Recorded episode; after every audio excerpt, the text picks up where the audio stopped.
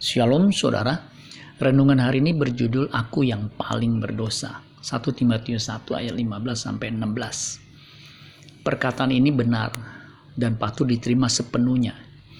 Kristus Yesus datang ke dunia untuk menyelamatkan orang berdosa. Dan di antara mereka akulah yang paling berdosa.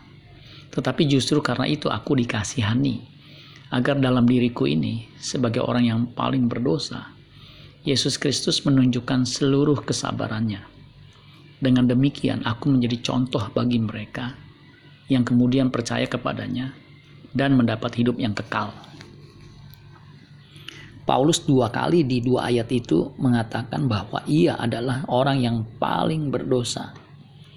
Di bagian lain ia berkata bahwa ia paling hina, orang yang paling hina di antara orang kudus, Efesus 3 ayat 8 paling hina di antara semua rasul 1 Korintus 15 ayat 9 padahal kita tahu ia adalah seorang rasul besar dengan pelayanan yang luar biasa.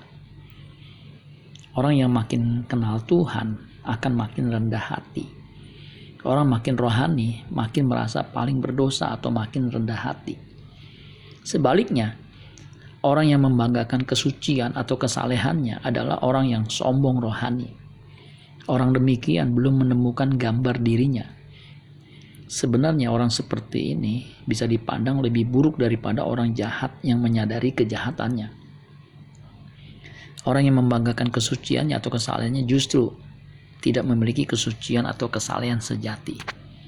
Amin buat firman Tuhan. Tuhan Yesus memberkati sola gracia.